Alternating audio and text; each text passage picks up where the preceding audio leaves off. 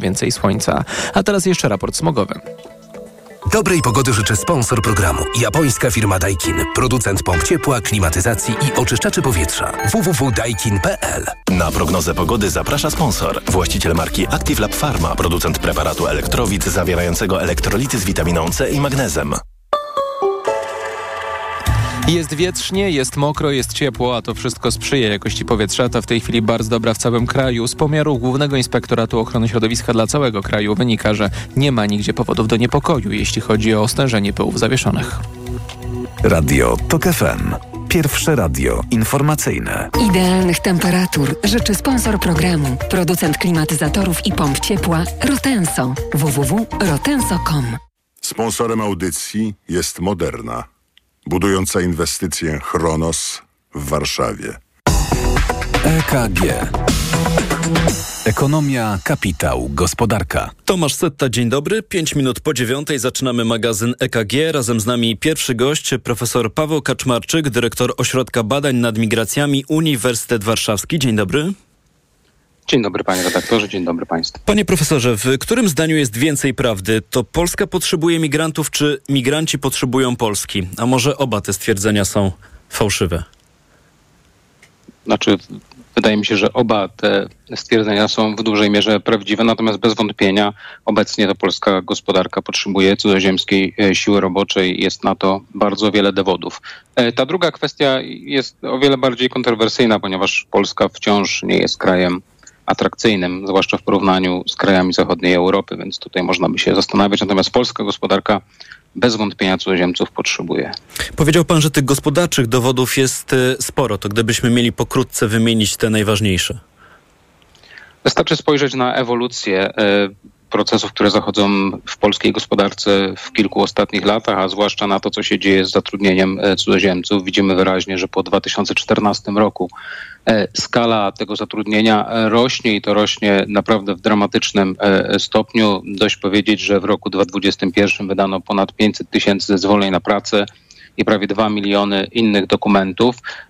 Ja na chwilę tutaj się zawahałbym, bo w ostatnim czasie przekonujemy się, że szczerze mówiąc nie jesteśmy w stanie precyzyjnie opisać tego, co się dzieje na polskim rynku pracy, jeśli chodzi o zatrudnianie cudzoziemców, choćby dlatego, że nie wiemy koniec końców, kto pracę podejmuje. Wiemy tak naprawdę, ile jest wydawanych dokumentów, zezwoleń czy innego typu dokumentów chodziło świadczeń, ale brak informacji na temat tego, kto docelowo do Polski e, trafia i nie ukrywam, że jest to pewien kłopot. Czyli mamy bardzo dużą e, skalę zatrudnienia, co więcej, do niedawna niemal wszyscy cudzoziemcy, którzy do Polski trafiali, to były osoby, które znajdowały się na rynku pracy.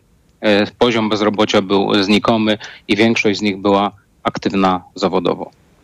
Do tego wszystkiego, o czym pan powiedział, pozwoli pan, że dorzucę do tego jeszcze bardzo ważny, tak przynajmniej mi się wydaje, element demograficzny. Wszyscy, mam takie wrażenie, z uwagą w ostatnim czasie e, śledzimy kolejne dane te oficjalne, które docierają do nas na przykład od Głównego Urzędu Statystycznego dotyczące mm, tego, jak wiele dzieci urodziło się w Polsce, przy czym no właśnie niewiele.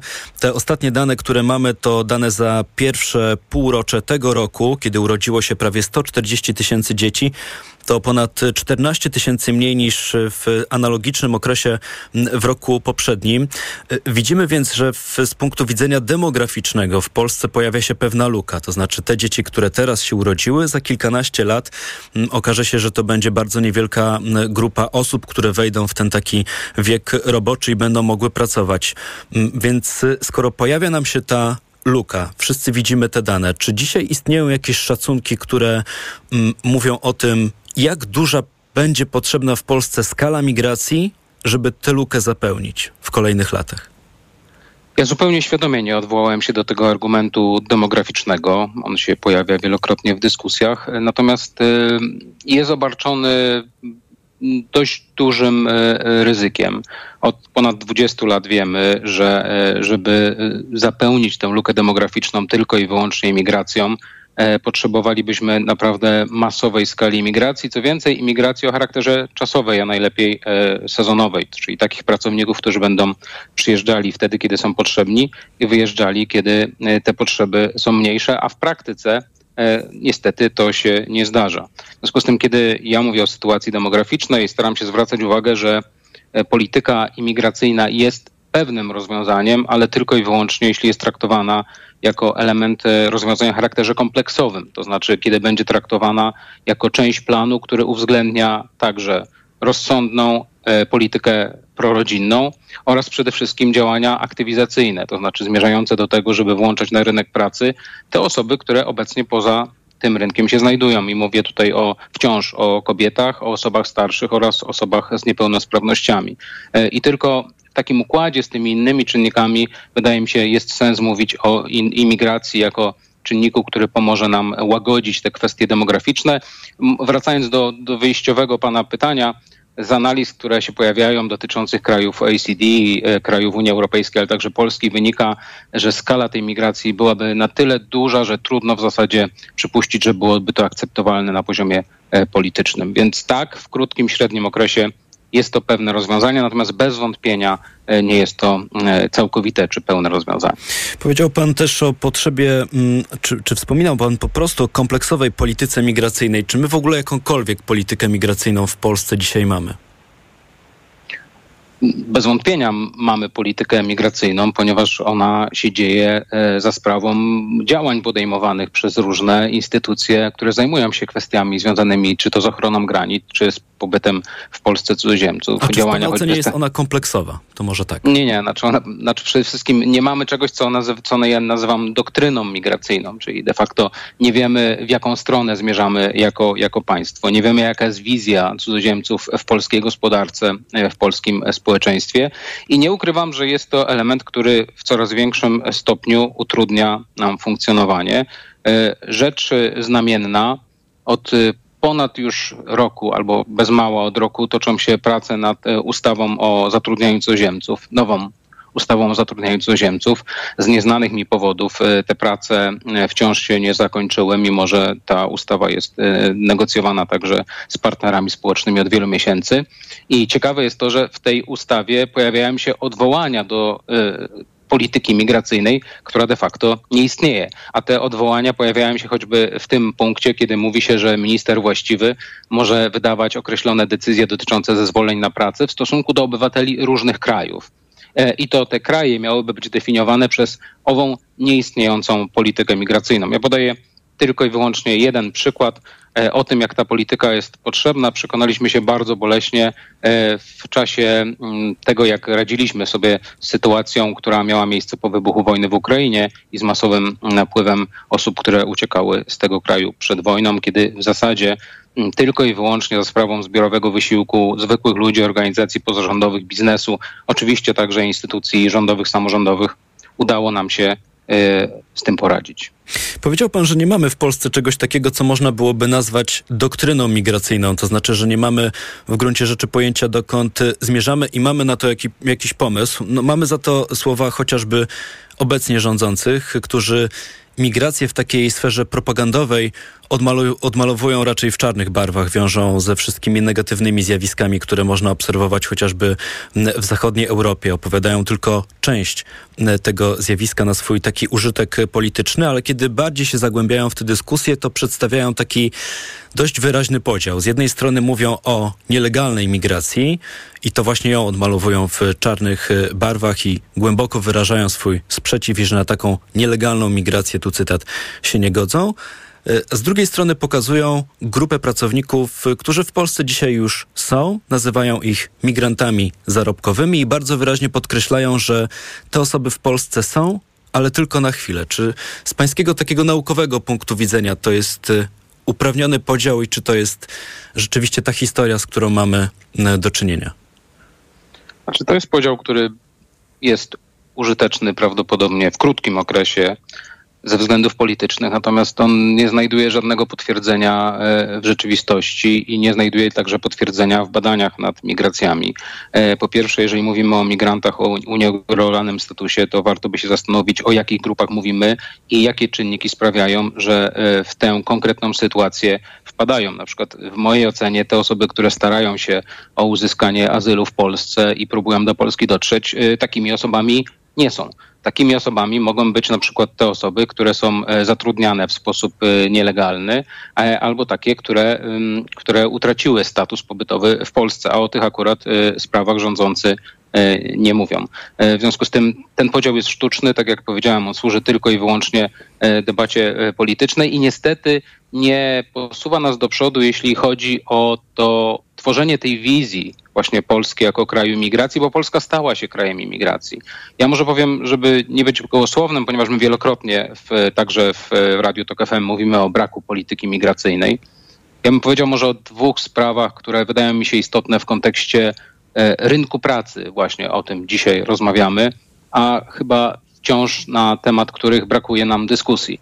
Po pierwsze, e, nie jesteśmy w stanie w odpowiedni sposób odnieść się do tego, że w Polsce już obecnie przybywa bardzo liczna grupa cudzoziemców, bo jest to od 2,5 prawdopodobnie do 3 milionów osób i nie jesteśmy w stanie odpowiedzieć, co zrobić, żeby optymalnie wykorzystać ich kapitał ludzki. To znaczy, żeby rozpoznać ich kompetencje, sprawić, że one będą w odpowiedni sposób przełożone na polski system i że będą dobrze wykorzystywane w polskiej gospodarce przez polskie przedsiębiorstwa, czy choćby przez polskie uniwersytety. To po pierwsze.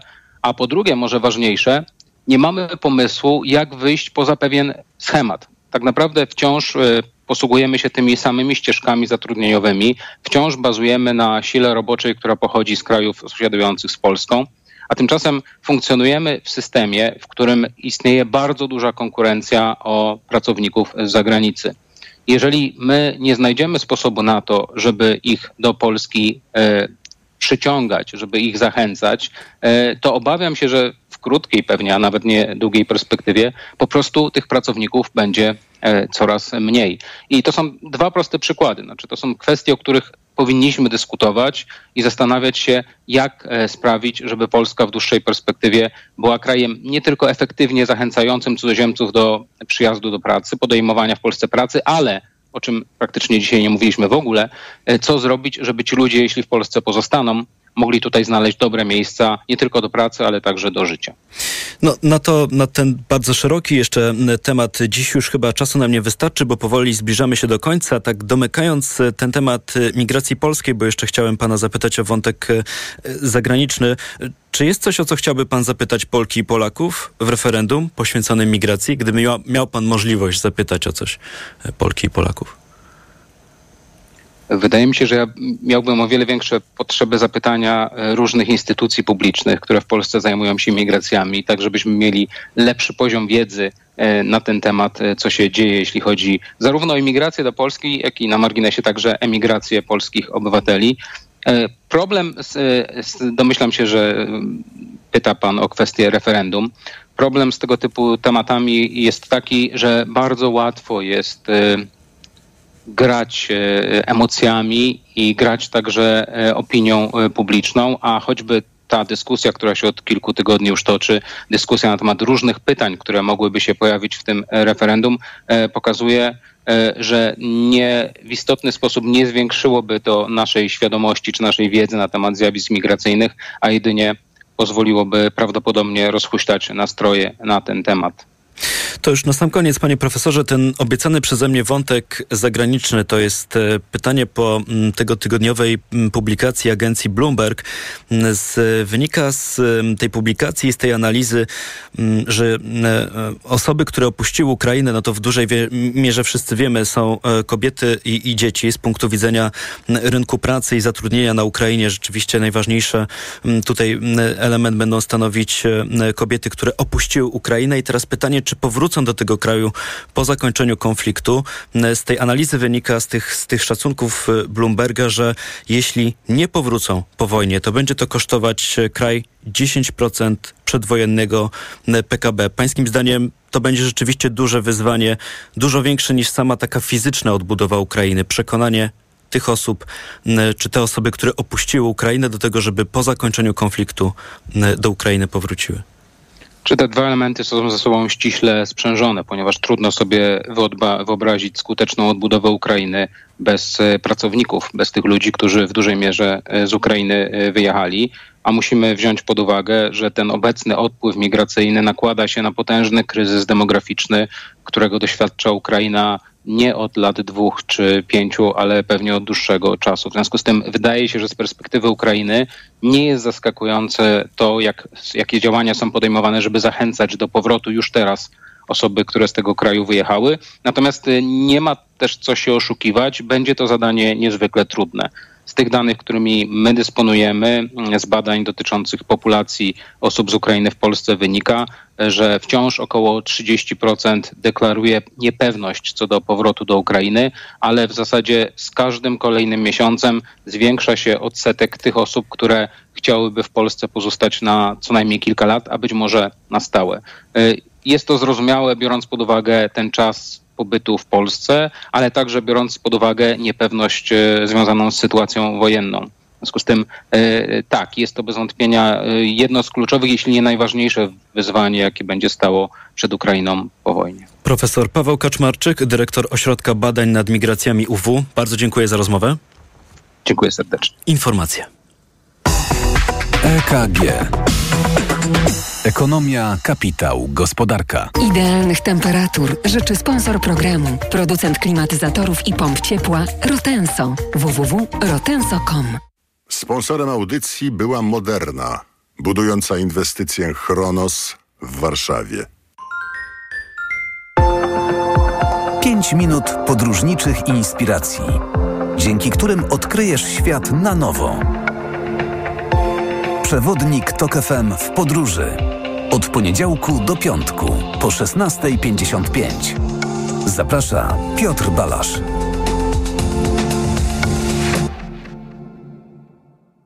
Sponsorem programu jest TravelPlanet.pl, portal turystyczny i sieć salonów. TravelPlanet.pl. Wszystkie biura podróży mają jeden adres.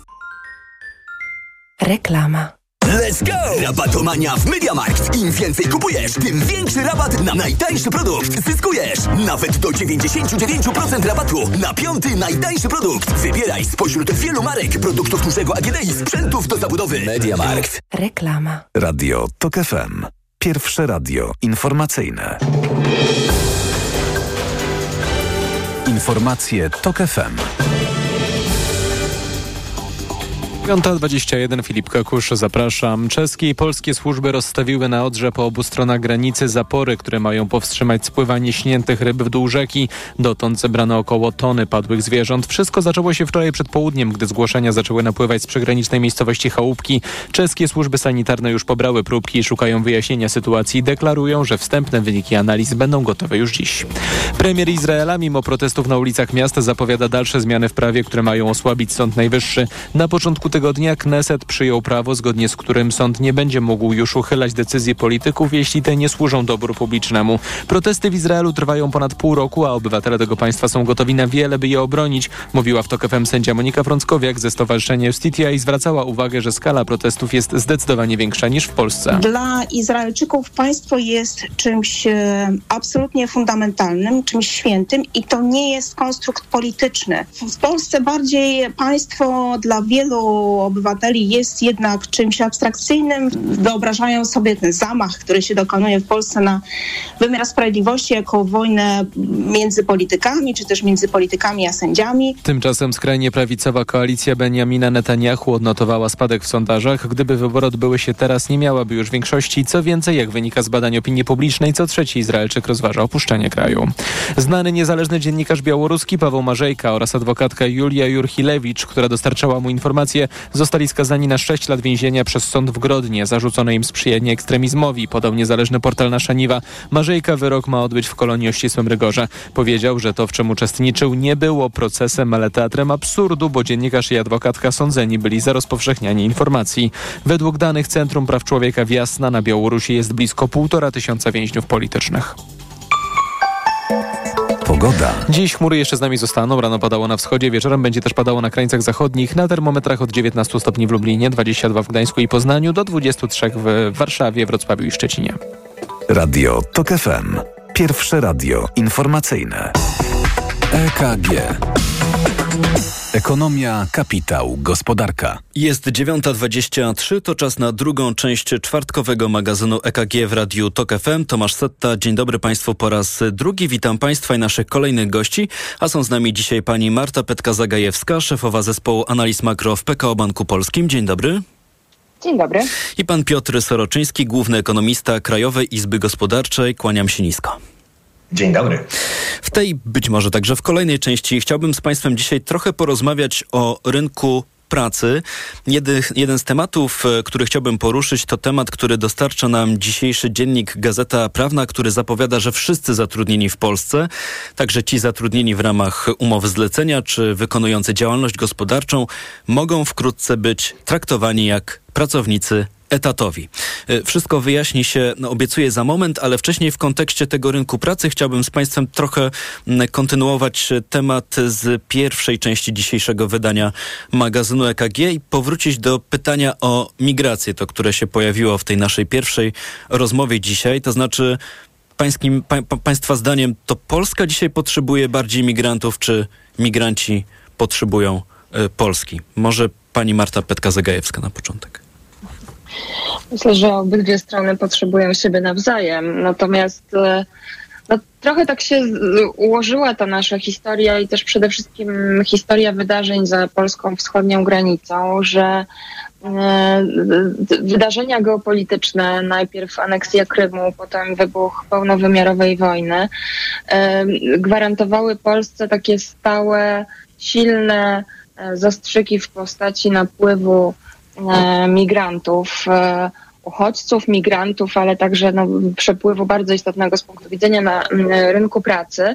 I to pozwalało nam, powiedziałabym tak trochę kolokwialnie, jechać na gapę. To znaczy ta zależność e, coraz większa polskiej gospodarki od zewnętrznego źródła podaży pracy, w obliczu coraz większych napięć na stricte krajowym rynku pracy, nie, nie znajdowała rozwiązania jakiegoś takiego administracyjnego, adresowanego przez zmiany w polityce migracyjnej i to się w zasadzie te problemy przez wiele lat rozwiązywały się same. To znaczy najpierw ten bardzo silny przyrost e, i napływ e, Ukraińców po 2014 roku przesuwał wyzwania z punktu widzenia podaży e, na rynku pracy o kilka ładnych lat. Teraz mieliśmy do czynienia z kolejnym bardzo silnym napływem, co sprawia, że ten rynek pracy wciąż funkcjonuje, może się E, rozwijać i to w dużym stopniu rozwija się właśnie dzięki napływom zagranicznym, co mogą e, pokazywać chociażby dane ZUS o mm, ogóle osób ubezpieczonych, e, gdzie jak sobie popatrzymy na liczbę ubezpieczonych bez cudzoziemców, no to jesteśmy po szczycie w 2020 roku mm, mniej więcej 200, może nawet 300 tysięcy niżej, a jak sobie popatrzymy na ogół ubezpieczonych w ogóle w całej gospodarce, no to ten trend wzrostowy został po pandemii odbudowany. Jesteśmy już wyraźnie powyżej szczytów przedpandemicznych, czyli jakby widać, gdyby nie napływy migrantów na polski rynek pracy, nie byłoby możliwości, by polska gospodarka rozwijała się poprzez tworzenie nowych miejsc pracy, a na razie jakby jesteśmy wciąż na tyle mało zautomatyzowani e, i na tyle mało nowocześni, że ten wzrost bez tworzenia nowych miejsc pracy nie jest po prostu możliwy. Mówiła pani Marta Petka-Zagajewska. Bardzo dziękuję. Pan Piotr Soroczyński, to samo pytanie. To Polska potrzebuje bardziej imigrantów, czy odwrotnie? My potrzebujemy migrantów, tac, takich, którzy są zainteresowani mieszkaniem u nas, dla których my jesteśmy jako Polska atrakcyjni z bardzo wielu różnych względów, nie tylko jako miejsce po prostu, gdzie można znaleźć pracę, której gdzie indziej nie ma, ale też i ze względu na to, że jesteśmy ciekawym miejscem do życia, bo to całe, cała ta układanka związana z tym, że można zarobić, ile można zarobić, e, jakie są warunki dookoła, czy jest bezpiecznie, czy jest przyjemnie, czy, czy, czy, czy można się rozwijać, to oczywiście jest cały taki, ca, ca, cały taki zespół czynników, które zachęcają do mieszkania u nas. No bo moglibyśmy też dyskutować, że ci, którzy napłynęli do nas w ostatnich latach, równie dobrze mogli e, przez nasz kraj tylko przejechać i pojechać sobie gdzie indziej, a tutaj widać, że to jest bardzo interesujące. I myślę, że my cały czas myśląc o tym, że będziemy potrzebowali dodatkowych ludzi do pracy, cały czas musimy myśleć o takim wielowątkowym ściąganiu ludzi, dla których Polska z bardzo różnych powodów może być atrakcyjna. Może się okazać, że to nie będą tylko i wyłącznie ludzie, którzy dziś tu i teraz jadą do pracy, ale to na przykład mogą być ludzie z całego świata, którzy tu jadą do jakiejś szkoły. No może niekoniecznie średniej, ale być może na uczelnię wyższą, a potem to już często tak jest, że jak się gdzieś pojedzie e, i, i się tam to jeszcze wyższe wykształcenie, to tam dużo łatwiej o pracę niż, niż o powrót do siebie, tak? My oczywiście też musimy myśleć w, w kategoriach rynku pracy o tym, żeby korzystać jak najwięcej z tego rezerwuaru ludzi, którzy mogliby pracować, to jest zbiernych zawodowo. Tam prawdopodobnie też jest do uwolnienia spora, spora grupa osób, które w sprzyjających warunkach mogłyby pracować. A teraz dwa słowa o tym, jakiej wielkości my mamy te potrzeby. My często dyskutujemy o tym, że mamy gdzieś takie wymarzone tempo wzrostu przy naszym poziomie wzrostu, a takie ze 3, może 3,5% realnego wzrostu PKB rocznie. No to teraz warto by było rozszyfrować, z czego to się zazwyczaj bierze. My 2, czasem 2,5% jesteśmy w stanie osiągnąć, zwiększając wydajność w gospodarce. Tak? Przeciętna wydajność na zatrudnionego nam rośnie 2-2,5%, więc widać, że do tego wymarzonego 3-3,5% nam brakuje procent do półtora zwiększenia zasobu pracy corocznie. Takie 1,5%, 1 do 1,5% to jest gdzieś 150, 160 do 230, 240 tysięcy ludzi. A pamiętajmy, że my w tej chwili z przyczyn demograficznych nie jesteśmy na tym wchodzeniu na coraz wyższą górkę, ale my już z tej najwyższej górki zaczynamy pomału schodzić i nam nasi obywatele z rynku pracy, z wieku produkcyjnego już pomału schodzą. Więc my, jeżeli będziemy myśleli o tym, że potrzebujemy co roku około 200 tysięcy ludzi dodatkowych do pracy, a własnych ludzi będziemy mieli po kilkadziesiąt tysięcy, a z czasem po 100, 100 kilkadziesiąt tysięcy mniej, no to musimy się liczyć, że jeżeli nadal się chcemy rozwijać, a to jest naszym marzeniem, no to po prostu potrzebujemy sporo ludzi do pracy, ale musimy zrobić wszystko, by to byli ludzie, którzy jadą do nas z premedytacją, tak, że właśnie do nas chcą przyjechać. To nie mogą być ludzie, których gdzieś jakoś ktoś rozdzielił albo gdzieś do nas skierował, a oni w ogóle w głowie mieli zupełnie co innego i nie wiedzą, co to jest Polska. Krótko mówiąc, to w jakim tempie się rozwijamy gospodarczo i w jakim tempie też próbujemy doganiać Zachód Zachód Europy, jak Państwo słyszą, ma też to ścisły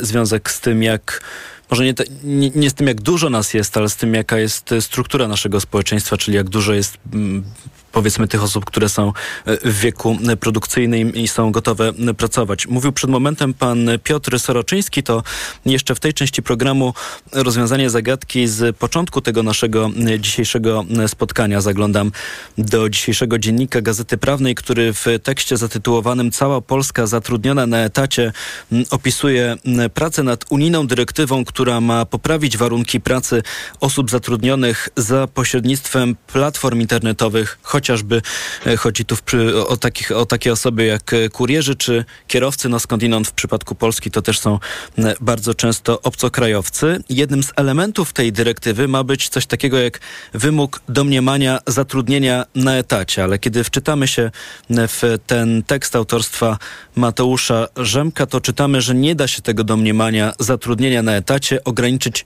tylko do tych pracowników platform internetowych, czyli kurierów, czy na przykład e, e, kierowców, że trzeba będzie to domniemanie zatrudnienia rozciągnąć na wszystkich, także tych zatrudnionych e, na umowę zlecenie, czy prowadzących działalność gospodarczą. To może jeszcze krótko w tym temacie na początek pan Piotr Soroczyński.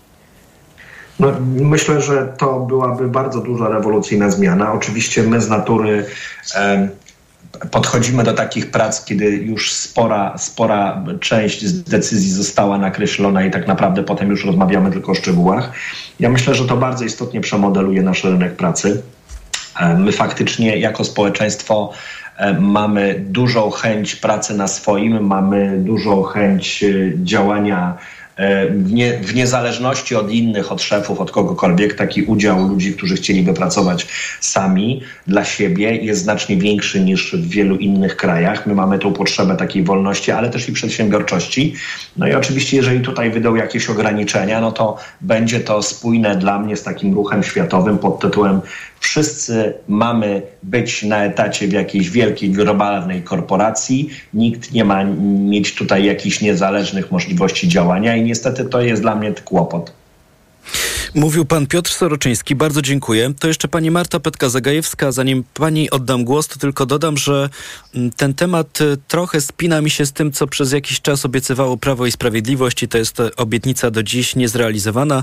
Chodzi o wprowadzenie tak zwanego jednolitego y, kontraktu i też o to, żeby zlikwidować tak zwany arbitraż na rynku pracy, żeby te różne formy zatrudnienia jakoś ze sobą zrównać. To jeszcze prośba do pani o, o komentarz. Jeśli jakiś jest? No tak, to, to, to jest niesamowicie kontrowersyjny temat. E, proszę sobie przypomnieć, jakby co zazwyczaj się dzieje przy jakichkolwiek e, próbach ograniczenia tej możliwości e, stosowania arbitrażu, bo oczywiście tutaj zgodzę się z Piotrem, że bardzo duża część aktywnych zawodowo Polaków właśnie kieruje się taką potrzebą samostanowienia, samodzielności, wykorzystuje swoje wielkie zdolności w zakresie przedsiębiorczości, ale jednak ten wątek jest też niezmiernie silny, silnie powiązany z tą możliwością arbitrażu na rynku pracy, czyli dla dużej części z jednej strony pracowników, ale z drugiej strony firm zatrudniających w ten sposób e, swoich pracowników, a tej formie bardziej kooperantów. E, tym kluczowym elementem jest kwestia kosztów. Ile kosztuje mnie e, taka forma współpracy? Oczywiście pracownik na etacie jest dużo droższy, a z punktu widzenia pracownika, czy zatrudnionego, czy aktywnego zawodowo, liczy się to, ile efektywnie danin muszę odprowadzić państwu w postaci składek, w postaci um, podatków. I myślę, że znaczenie tego elementu bardzo dynamicznie um, rośnie. Odsetek firm, które wskazują, że barierą dla ich rozwoju są koszty pracy, w większości branż e, przekracza 70% i w zasadzie po takiej chwili chwili ulgi, którą e, e, mieliśmy po wybuchu pandemii w większości branż jesteśmy na nowych historycznych e, szczytach, więc jest to bardzo istotny element z jednej strony z punktu widzenia budowania strategii przez firmy, ale z drugiej strony ja mam takie poczucie jednak także, że jest to pewne strukturalne wyzwanie, z którym mierzymy się jako państwo, takiej kultury której my nie chcemy i nie lubimy płacić podatków i składek z bardzo wielu różnych przyczyn, o których pewnie moglibyśmy rozmawiać godzinami, ale jest to jednak fundamentalne i strukturalne wyzwanie. A nie mamy tyle czasu, ale dziękuję za ten krótki komentarz. Mówiła Marta Petka-Zagajewska, jest z nami także Piotr Soroczyński, to Państwa dzisiejsi goście w magazynie EKG. Program się nie kończy. Teraz zapraszam Państwa na informacje. Tuż po nich e, zajrzymy sobie na rynek walutowy, sprawdzimy jak euro i dolar radzą sobie w tygodniu, w którym banki centralne i w Stanach Zjednoczonych i w strefie euro podejmują kluczowe decyzje dotyczące stóp procentowych. Jedna z takich decyzji już za nami do komentarza w tej sprawie wrócimy w kolejnej części magazynu EKG. EKG. Ekonomia, kapitał, gospodarka. Autopromocja. Fundacja Tok FM i Fundacja Batorego przedstawiają podcast Rozumieć Ukrainę. Agnieszka Lichnerowicz. Edwin Bendyk. Bardzo serdecznie Państwa zapraszamy. Jakie są scenariusze odbudowy Ukrainy? Jacy bohaterowie z przeszłości inspirują dziś Ukrainki i Ukraińców do walki? Co kształtuje ich wyobrażenia sobie? Jak wojna zmienia społeczeństwo? I jak Ukraińcy zmieniają Polskę i Europę? O tym wszystkim co tydzień w środę przed godziną 15. Wszystkich odcinków tego podcastu posłuchasz na tokefm.pl ukośnik Ukraina lub w aplikacji mobilnej TOK FM. Autopromocja. Reklama. RTV Euro AGD. Tylko do 2 sierpnia. 50 zł rabatu za każde wydane 500. Promocja na wybrane produkty. Aż do 2000 zł rabatu. Rabat naliczamy od razu. Szczegóły i regulamin w sklepach euro i na euro.com.pl. Do Biedronki idę, bo znowu obniżyli regularne ceny kolejnych produktów. Teraz w Biedronce znowu jeszcze niższe regularne ceny kolejnych produktów. Na przykład jaja z chowu ściółkowego Moja Kurka 10 sztuk rozmiar L 9,29 za opakowanie. Kiełbasa śląska Kraina Wędlin 550 gramów 12,49 za opakowanie. Śmietanka kremówka UHT 36% mleczna dolina 500 gramów 9 zł 4 grosze za opakowanie. Więcej szczegółów na biedronka.pl Bonjour i bon appétit. Tydzień francuski w Lidl. Sięgnij po słodkie makaroniki tylko 15,99 za opakowanie. I wyśmienite sery drugi tańszy, aż 50% taniej. Miksuj dowolnie. Dla takich smaków zakupy robię w Lidlu. Emocje zaczynają w polskim społeczeństwie rosnąć. Zaniechania polskiego premiera. Za dużo informacji.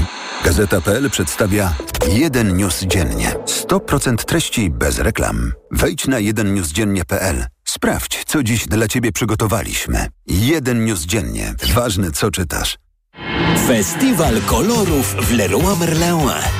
Bo teraz w klubie zwracamy 30% wartości zakupionych farb białych i kolorowych do ścian i sufitów. Tak, kupuj farby najlepszych marek, a my zwrócimy Ci 30% ich wartości na kupon.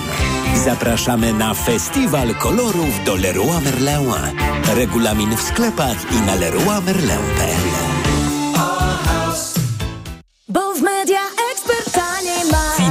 wielkiej wyprzedaży w Media Expert. Smartfony, laptopy gamingowe, telewizory smart, ekspresy automatyczne, energooszczędne zmywarki i lodówki w super niskich cenach. Media Expert.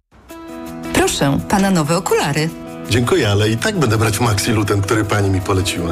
I bardzo dobrze.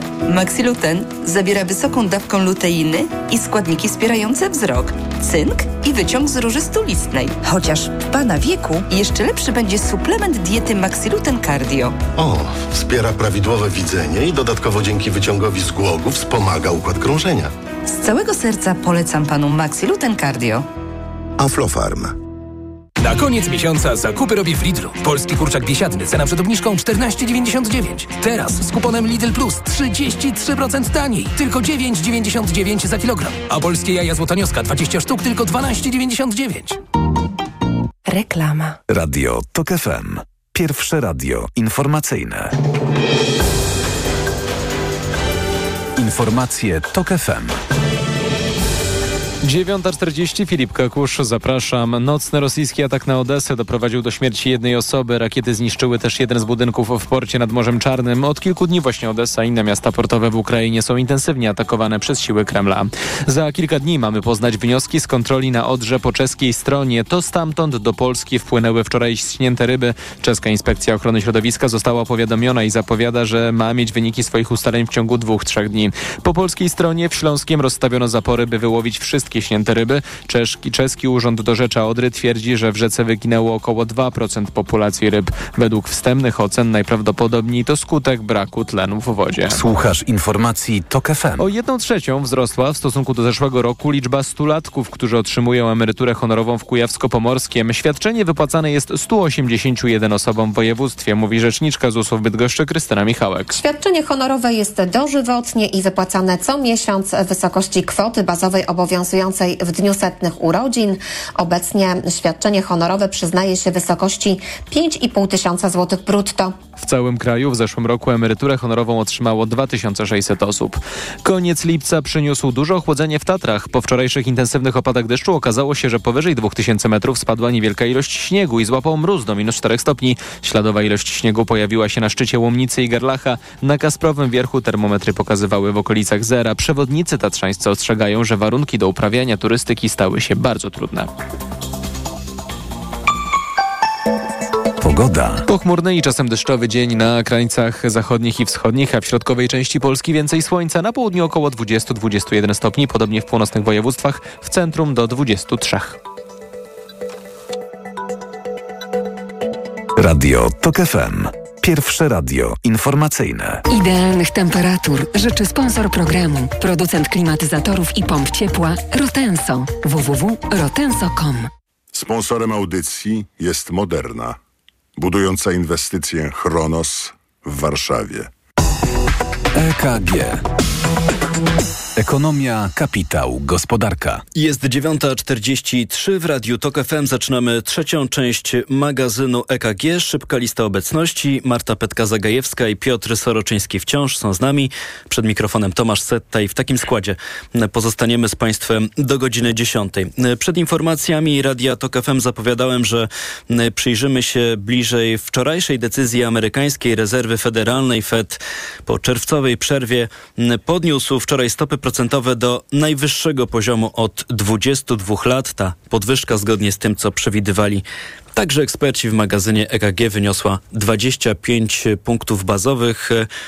Na początek może pani Marta Petka-Zagajewska, bo decyzja to jedno, z drugiej strony za nami też wystąpienie szefa amerykańskiego banku centralnego. Pytanie, co na przykład pani zdaniem było ciekawsze?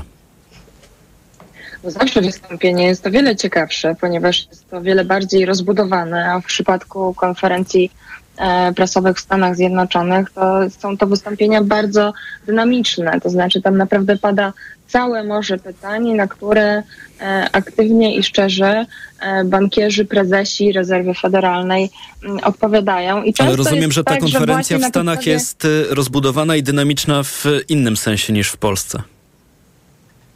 Mm, No i nie wiem, czy w ogóle po, po, powinniśmy y, to porównywać. To jest y, jednak też y, inny poziom rozwoju rynku, y, zainteresowania też dziennikarzy, których dziesiątki siedzą na tej konferencji prasowej i zadają stricte merytoryczne i związane y, z polityką pieniężną pytania. To też jest jakby taka konferencja, która w zasadzie poza ramy gospodarki, rynków finansowych i polityki pieniężnej w ogóle nie wychodzi i pokazuje, że którego prezesa byśmy nie e, słuchali, są to naprawdę doskonali ekonomiści, którzy niezmiernie precyzyjnie wiedzą, co chcą powiedzieć i potrafią na bardzo e, zawiłe, skomplikowane, podchwytliwe pytania odpowiadać e, zgodnie z założonym celem. I ten cel na, na wczoraj, wydaje mi się, był taki, by pokazać rynkom, że tak naprawdę znaleźliśmy się w momencie, w którym rezerwa federalna nie ma gotowej odpowiedzi na pytanie, co dalej. E, Chyba takie kluczowe przesłanie płynące z tego wystąpienia było takie, że zbliżamy się do końca, ale jeszcze nie potrafimy powiedzieć, czy to rzeczywiście jest precyzyjnie moment, w którym te stopy procentowe nie będą musiały dalej rosnąć. E, Rezerwa Federalna zadeklarowała, że jest otwarta na wszelkie możliwości, to znaczy to kluczowe najbliższe posiedzenie we wrześniu równie dobrze może przynieść dalszą dalsze podwyżki stóp procentowych, jak i przejście ponownie do takiego trybu pauzy, który pewnie zostałby zinterpretowany przez inwestorów jako już e, wyraźny sygnał, że cykl podwyżek dobiega końca. Myślę, że dobrą wiadomością jest to, że ewidentnie w ten głos e, dotyczący ryzyk inflacyjnych płynący ze strony rezerwy federalnej i w odniesieniu do Stanów Zjednoczonych, ale także globalnej gospodarki jest e, coraz bardziej optymistyczny i rośnie to przekonanie, że e, wygrywamy w walce z inflacją, natomiast to, ta niepewność, która zostaje, to taka niepewność dotycząca tego, jak długo jeszcze musimy stosować lekarstwo, które tą inflację zwalcza, a już nie, nie zastanawiamy się tak bardzo, czy, czy to lekarstwo w ogóle okaże się skuteczne. No więc dobre wieści i po stronie inflacyjnej, i po stronie wzrostu gospodarczego, bo to, też może dodatkowa rzecz, o której warto wspomnieć, że obawy o twarde lądowanie, czyli o to, że podwyżki stóp procentowych doprowadzą do recesji w Stanach Zjednoczonych są coraz mniejsze. Jak powiedział Jerome Powell, ekonomiści w Fedzie już nie obawiają się tego, że amerykańska gospodarka w najbliższych kwartałach znajdzie się w recesji. Tak jest. To mówiła pani Marta Petka-Zagajewska. Bardzo dziękuję za też taką e, skrótową relację tego, co działo się wczoraj, zwłaszcza, że tu się pojawił pewien pakiet nowych informacji, bo wydaje mi się, że jeszcze do wczoraj e, żyliśmy w takim przeświadczeniu, że ta wczorajsza podwyżka będzie ostatnią, ale tu jak się okazuje nie jest jeszcze wszystko tak do końca jasne. E, To teraz może jeszcze pan Piotr Soroczyński, bo tu zawsze się pojawia takie pytanie, no mówimy o decyzjach podejmowanych dla amerykańskiej gospodarki Stanach Zjednoczonych, ale czy z tego wszystkiego płynie jakaś e, lekcja e, dla Polski albo jakieś wnioski dla nas? E, Oczywiście po pierwsze oglądamy te decyzje z punktu widzenia jednej ze stron, która konkuruje o kapitały, które są na świecie. No bo w sposób naturalny, jeżeli, jeżeli warunki lokowania środków na najważniejszym rynku, najbezpieczniejszym rynku na świecie, bo tak uważają inwestorzy jak w Stanach, poprawia się i tam oprocentowanie może być wysokie, no to oczywiście wtedy część potencjalnych inwestorów albo realnych inwestorów może stwierdzić, że to trochę mniej będzie środków na przykład trzymać u nas, a trochę więcej tam. Więc zawsze oczywiście z tego punktu widzenia to bardzo skrupulatnie oglądamy. Drugi punkt widzenia to jest to, że to nie jest jedna e, sama dla siebie gospodarka, ona jest najważniejszą gospodarką dla świata i oczywiście to, co tam się decyduje, może wpływać na decyzje, które są bliżej naszego podwórka, a mianowicie na to, co się dzieje w Europie, e, zwłaszcza w strefie euro. I warto by było pamiętać o takiej istotnej, ale delikatnej różnicy między rynkiem amerykańskim a, a, a rynkiem europejskim, że tam troszeczkę inną część rynku regulują stopy niż u nas tam to przede wszystkim dotyczy e, klientów indywidualnych i naprawdę bardzo małych firm, bo proszę zobaczyć, że bardzo duża część firm średnich i dużych finansuje się inną drogą niż na przykład kredyt bankowy. E, i lokuje w sposób też inny często niż e, na przykład depozyty w banku. W przypadku Europy bardziej jest e, oczywisty ten model kontynentalny, to znaczy większość z nas, która posiada pieniądze, idzie do banków, wkłada je gdzieś tam na jakieś konta, lokaty, cudawianki, a banki to dystrybuują dalej w postaci kredytów i te kredyty są co do zasady i dla ludności, i dla firm, i też dla państw potem przechodzą przez obligacje. Więc Często było tak, że się mówiło, że Stany Zjednoczone i Europa mają ten sam kształt na przykład zmiany stóp, ale w Stanach to jest zawsze dwa razy bardziej. No teraz to nie jest dwa razy bardziej, ale, ale coś z tego żartu oczywiście działa. No i jeżeli tak, jeżeli Stany podniosły, no to może się okazać, że bardzo uważnie się temu będzie przyglądał Europejski Bank Centralny. E, zastanawiając się, co zrobić na przykład ze swoimi procesami inflacyjnymi, bo wydaje mi się, że w przeciwieństwie do tego, co się dzieje w Stanach, EBC nie ma aż tak silnych sukcesów w zbijaniu inflacji. Proszę zobaczyć, że całkiem niedawno mówiono, że w zasadzie oczekiwanie jest dla średniorocznej inflacji w strefie euro około 5%, no a jak pierwsze półrocze wyszło tak koło 7%, no to to drugie by musiało być koło 3%, co raczej jest niemożliwe, więc może się okazać, że to uprawdopodobnia kolejny krok Europejskiego Banku Centralnego w, w, w, do góry ze stopami. No i oczywiście, jeżeli duże, główne banki centralne robią jeszcze korekty do góry, no to my się musimy bardzo mocno zastanawiać, czy mamy sygnalizować, że u nas to już jest po ptokach i mamy już e, zacząć schodzić to dosyć forsownie ze stopami, czy po tych ostatnich podwyżkach powinniśmy sobie wziąć na wstrzymanie. Mówił pan Piotr Soroczyński. Bardzo dziękuję. Zwłaszcza też, że wywołał pan do tablicy Europejski Bank Centralny. To jeszcze o to tak w dwóch zdaniach zapytam i to pytanie do pani e, Marty Petki-Zagajewskiej, bo dziś przed nami decyzja dotycząca strefy euro. To też będzie podwyżka o 25 punktów bazowych, e, czyli dokładnie takiej samej skali jak, jak ta podwyżka, którą obserwowaliśmy wczoraj za oceanem? Tak, to będzie podwyżka i to podwyżka już jakby bardzo wyraźnie sygnalizowana przez e, e, bankierów centralnych, więc tutaj jakby inwestorzy, analitycy nie mają większych wątpliwości. Trochę podobnie jak w przypadku rezerwy federalnej, centrum uwagi znajdzie się nie decyzja dotycząca bieżącego poziomu stóp, tylko wszelkie sugestie, które będą podpowiadały, czego można się spodziewać w dalszej części 2023 roku. I tutaj pełna zgoda z Piotrem, że EBC nie ma tak wielu elementów, z których może się cieszyć i może do tego obrazka inflacyjnego, gdzie ta uporczywość procesów inflacyjnych jest dużo wyższa, warto też dodać drugi obrazek, obrazek aktywności gospodarczej, która z kolei niezmiernie ostro hamuje. I tutaj ta, to, to pozytywne przesłanie scenariusza miękkiego lądowania ze Stanów Zjednoczonych w przypadku strefy euro jest dużo bardziej niepewne, co z kolei mocno komplikuje decyzje bankierów centralnych. No bo z jednej strony inflacja, inflacja sygnalizuje, że no nie jesteśmy jeszcze pewnie na końcu tej walki, ale z drugiej strony kondycja gospodarki niesie ze sobą coraz więcej e, więcej obaw. E, no więc bardzo duży dylemat, przed którym bankierzy centralni w e, Europie stoją. No i ciekawe, jak go rozstrzygną. No o tych odczytach PMI, czyli tych e, odczytach próbujących e, pokazywać, jakie są nastroje w europejskiej gospodarce, już w tym tygodniu mówiliśmy Państwu w magazynie EKG. One do pewnego stopnia są rozczarowujące i Europejski Bank Centralny, zakładam, także i to będzie musiał wziąć pod uwagę przy podejmowaniu tej dzisiejszej decyzji. Decyzję poznamy dzisiaj po południu, a w oczekiwaniu na ruch Europejskiego Banku Centralnego zaglądamy na rynek walutowy. Dziś euro kosztuje 4,41, więc jest delikatnie słabiej niż e, wczoraj. Dolar po 3,97, e, funt kosztuje 5 zł i 15 groszy, frank szwajcarski dziś po 4,63. To skoro już przyglądamy się sytuacji na rynku, to sprawdźmy jeszcze, co dzieje się na giełdzie papierów wartościowych w Warszawie. Indeks szerokiego rynku WIG w tej chwili zyskuje 34% i WIG 20 w górę, mm, dokładnie na takim samym plusie plusie, plus 32%. EKG. No to dobrnęliśmy w magazynie EKG do tego momentu, w którym Państwa naszych gości pytam o zdziwienia. Może na początek pan Piotr Soroczyński.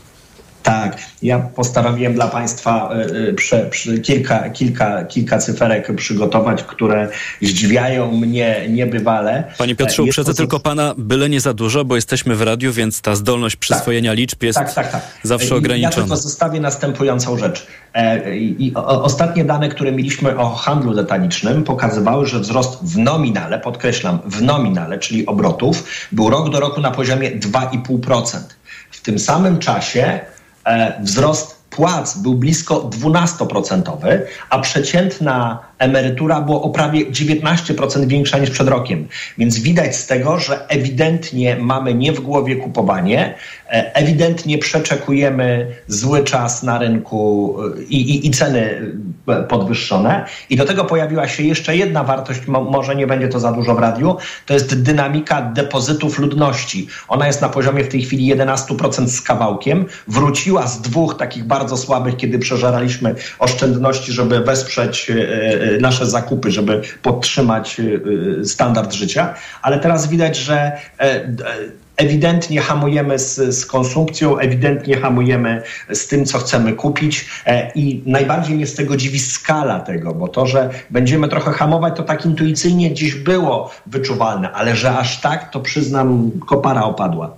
To tylko doprecyzujmy, ta dynamika depozytów ludności, o której pan mówi, to w takim dużym uproszczeniu, na które sobie pozwolę, to chodzi o pieniądze, które po prostu trzymamy w banku Tak. gdzieś na koncie. I, i, I liczone oczywiście wszystko, bo i rachunki bieżące, i to, co jest na lokatach w takim razem, e, razem zestawie, tak?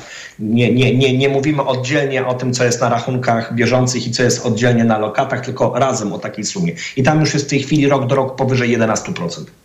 To mówił pan Piotr Soroczyński. Bardzo dziękuję za to zdziwienie. Pani Marta Petka-Zagajewska.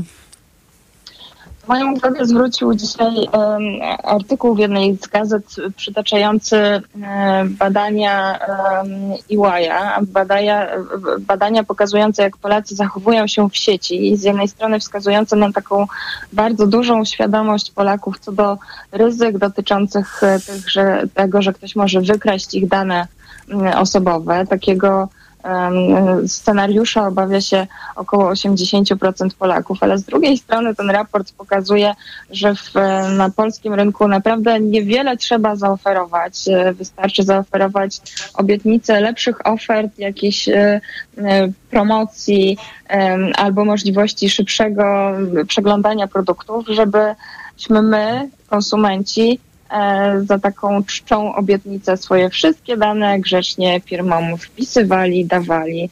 No więc bardzo duży e, dysonans poznawczy, pokazujący, że teoretycznie wiemy, czym to grozi i z czym to się je, ale w praktyce e, w zasadzie oddajemy e, naszą prywatność, nasze dane, nasze informacje w zasadzie za darmo. No, pytanie, co by się tutaj przydało, żeby tych e, sytuacji było jak najmniej? Czy to więcej edukacji, czy coś innego?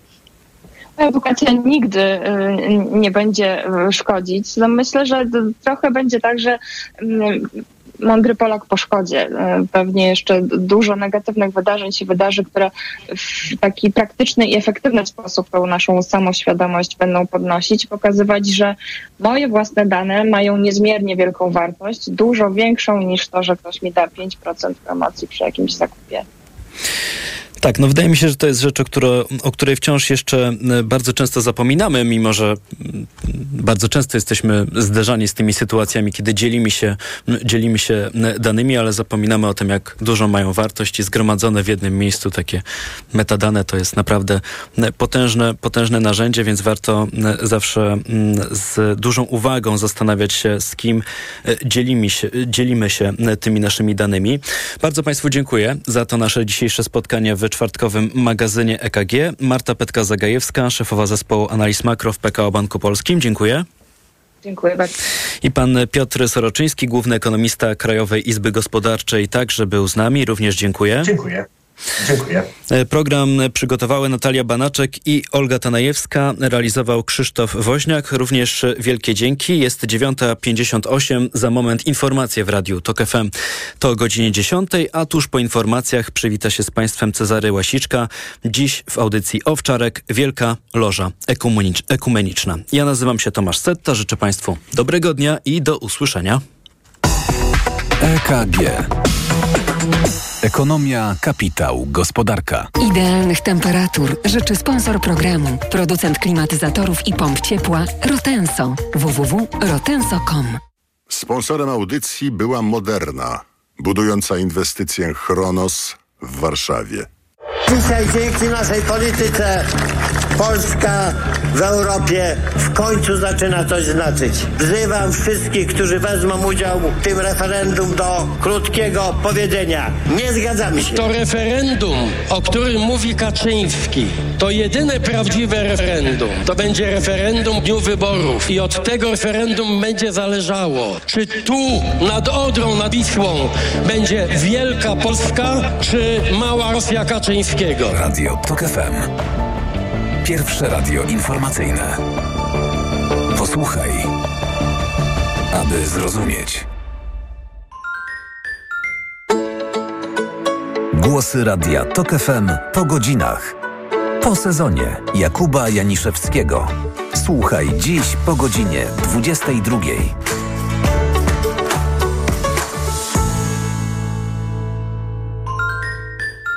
Reklama. Gdzie tanie lato na bogato mam? W Kauflandzie. Od czwartku łopatka wieprzowa bez kości z lady kilogram 13,99, 5 kg na osobę, a pomidory malinowe 4,49 za kilogram z Kaufland Card. Idę tam, gdzie wszystko mam. Kaufland. Reklama. Radio TOK FM. Pierwsze radio informacyjne. Czwartek, 27 lipca, minęła 10.